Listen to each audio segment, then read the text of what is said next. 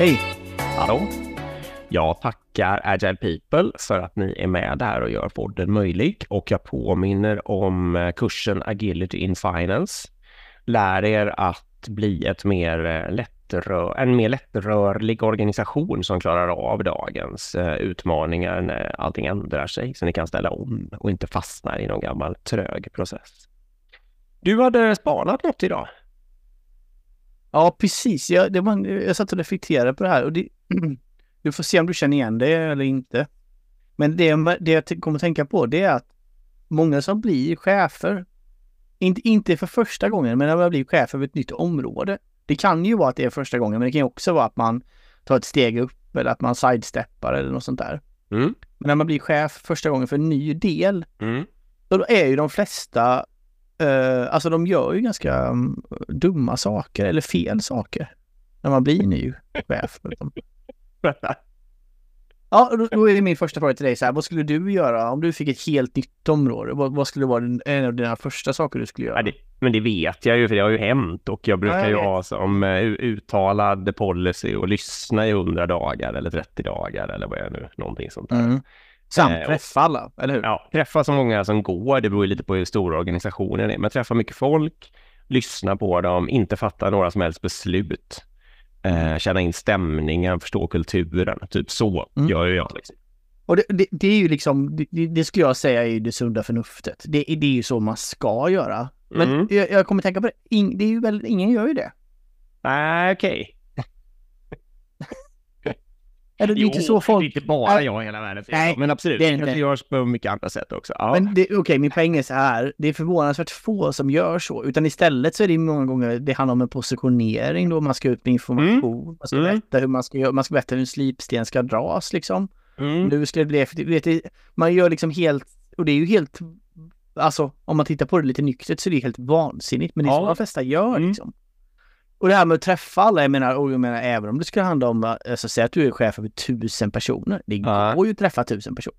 Ja, absolut. Eh, och träffa dem one-on-one tar ju ett tag. Men träffa dem på Ja. något sätt går ju verkligen att organisera. Jag, men, men jag tycker alltså att träffa alla one-on-one, alltså har du en organisation som är mindre än 100, då ska du göra det. Ja, det kan jag hålla med om. Eh, Det borde vara default. det klarar jag mig precis. För när jag hade det så, så gjorde jag det och nu har jag inte det. Och nu har jag heller inte lyckats träffa alla. Men ja, Men, men det borde du ha som ambition i och för sig. ja jag har försökt.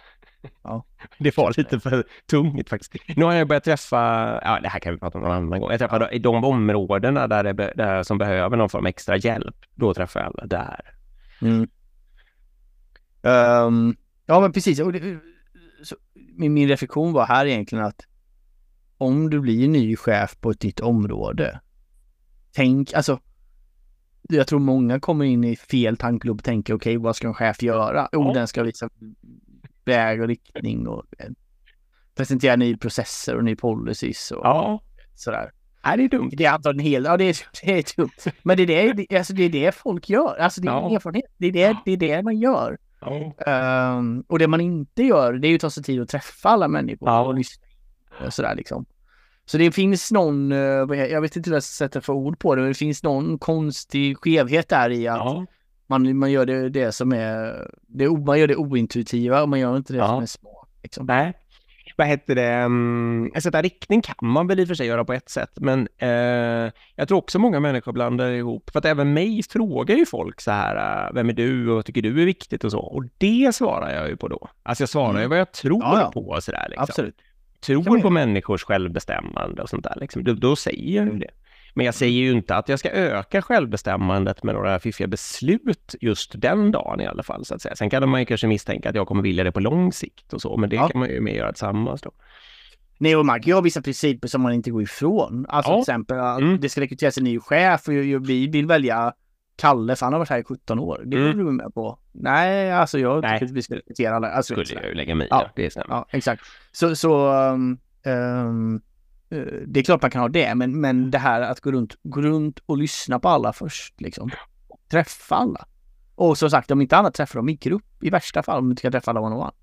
Men, men jag ser ju både i min organisation och andra organisationer att de, de, de gör inte det, utan det börjar med liksom en processdefinition eller en ny strategi eller någonting som är högtravande med fina ord liksom. Eh, Och så förväntar man sig att folk ska följa det på något sätt. Ja. Det finns ju en skillnad här i, för ditt och mitt ledarskap. Det bygger ju mycket på att vi kan klara av att leda en organisation i en dialog i en riktning som blir bra för både kunder, ägare och så vidare och medarbetare. Det finns ju, den andra dogmen är ju att den här organisationen har fastnat i något som har blivit, eh, de har blivit för långsamma, lata, dumma och dåliga och måste ryckas ur sitt nuvarande tillstånd. Och de cheferna går ju ofta in och ska rycka upp med rötterna och göra om allting första dagen och så, medan de mm. inte har hunnit bli kompis med någon nästan. Liksom, Exakt. man ska säga. Ja, just det. Eh, och jag har aldrig varit med om att ta över en sån verksamhet när jag har tyckt att, man att jag ens har varit i närheten av att behöva göra så. Liksom. Och jag tror, eller, jag tror jag kan leda de flesta verksamheter på ett helt annat sätt till jättestora förändringar. Liksom. Eh, det hände ju mig en gång om du kommer ihåg. Uh, att jag tog ett jobb där, där det faktiskt var, alltså de hade ju försökt göra någon form av scrum. Mm, just det. Vi jobbade om i IT mm. och så fanns det verkligen en IT-projektledare också. Alltså det fanns redundanta roller verkligen. Alltså Mm. totalt redundanta roller. Och det kände jag ju på en gång att det här kommer inte funka. Och det Nej. var ju så mycket klagomål på det också. Så Ja. den, den tog jag ju verkligen bort på tre veckor eller någonting. Mm. Eh, men det kändes mer som alla bara bad om det men Exakt. ingen hade vågat ta beslutet. Så, alltså det går ju, men, men oftast, jag, jag, jag utsåg också till att träffa alla innan dess så att säga. Även de som hade de här redundanta även om inte det var det roligaste så, så gjorde jag ju det så att säga. Mm. Okej. Mm. Bra. Tack. Eh, Kul spaning, tack för den. Tack till Agile People och tack till alla er som lyssnar. Hej hej. Hej!